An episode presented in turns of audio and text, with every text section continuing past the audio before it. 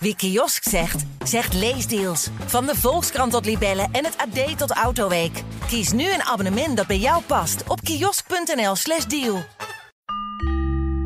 Alice in Wonderland. Achter de spiegel. Aflevering 29 door Ilke Paddenburg.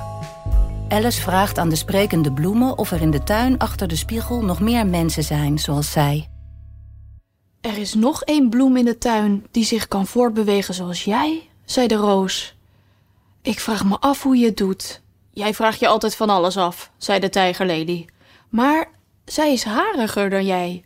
Oh, lijkt ze op mij? vroeg Alice gretig, want de gedachte schoot door haar heen. Er is nog een meisje in de tuin, ergens. Och, ze heeft hetzelfde vreselijke figuur als jij, zei de roos. Maar ze is roder. En haar kroonbladeren die zijn korter, denk ik. Dus ze zijn opgestoken, zoals een dahlia, zei de tijgerlely. Niet door de war, zoals de jouwe. Oh, maar dat kun jij niet helpen, voegde de roos vriendelijk toe. Je begint te verleppen, weet je. En dan is er niets aan te doen dat je kroonbladeren een beetje rommelig worden. Nou, Alice vond dat helemaal geen prettig idee, dus vroeg ze om van onderwerp te veranderen. Komt ze deze kant wel eens uit? Oh, je zult haar vast en zeker gauw zien, zei de roos. Ze is er zo een die negen pieken heeft, weet je?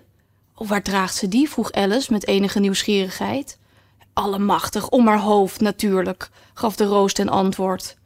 Ik vraag me af of jij er niet ook een paar had. Ik dacht dat het zo hoorde. Ze komt eraan, riep de ridderspoor. Ik hoor haar voetstap. Bonk, bonk over het grindpad. Alice keek nieuwsgierig rond en stelde vast dat het de rode koningin was. Die is een stuk groter geworden, was haar eerste opmerking. Dat was ze inderdaad. Toen Alice haar zo straks in de as ontdekte, was ze maar 10 centimeter lang.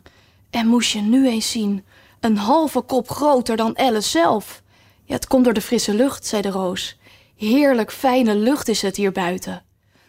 Um, ik geloof dat ik maar eens kennis met haar ga maken, zei Alice. Want ook al waren de bloemen heus wel boeiend, ze dacht dat het veel gewichtiger zou zijn om een gesprek te hebben met een echte koningin. Dat kun je gewoon niet doen, zei de roos. Ik zou je aanraden de andere kant op te lopen. Nou, dit klonk Alice onzinnig in de oren, dus zei ze niks, maar ging meteen op weg naar de Rode Koningin. Tot haar verbazing verloor ze haar direct uit het oog en bleek ze weer bij de voordeur bezig te zijn met naar binnen te lopen. Een beetje getergd blies ze de aftocht. En nadat ze overal had gezocht naar de koningin, die ze tenslotte in de gaten kreeg een eind verderop, bedacht ze dat ze dit keer maar eens moest proberen of het hielp om de andere kant op te lopen. het lukte schitterend. Ze had nog geen minuut gelopen of ze bevond zich oog in oog met de rode koningin. En in het volle zicht van de heuvel waar ze zo lang heen had gewild. Waar kom jij vandaan? zei de rode koningin. En waar ga jij heen? Kijk me aan, spreek met twee woorden en sta niet de hele tijd met je vingers te friemelen.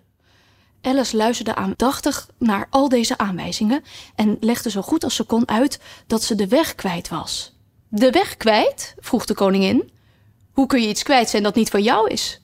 Alle wegen hier in de buurt, die zijn van mij. Maar waarom ben je hier eigenlijk naartoe gekomen? voegde ze er op een vriendelijker toon aan toe. Maak vast een kniebuiging terwijl je nadenkt over het antwoord. Dat spaart tijd. Oh, Alice was daar een beetje verbaasd over. Maar ze had te veel ontzag voor de koningin om het in twijfel te trekken.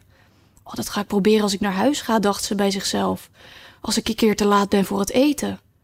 De tijd voor je antwoord gaat nu in, zei de koningin met een blik op haar horloge. Doe je mond een beetje meer open tijdens het spreken en betitel me steeds met majesteit. Oh, ik wou alleen maar zien hoe de tuin erbij lag. Majesteit? Keurig, zei de koningin, terwijl ze haar een klopje op het hoofd gaf, wat Alice helemaal niet prettig vond.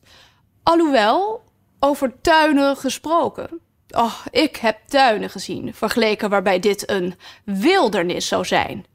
Oh, Alice durfde haar op dit punt niet tegen te spreken, maar ging voort. En ik dacht, eens zien of ik boven op die heuvel kan komen. Oh, over heuvels gesproken, interrumpeerde de koningin. Ik kan je heuvels laten zien vergeleken waarbij je die daar een dal zou noemen. Nee, dat zou ik niet, zei Alice, die tot haar verrassing toch nog tegensprak. Een heuvel kan geen dal zijn, namelijk. Dat zou onzin zijn. De rode koningin schudde haar hoofd.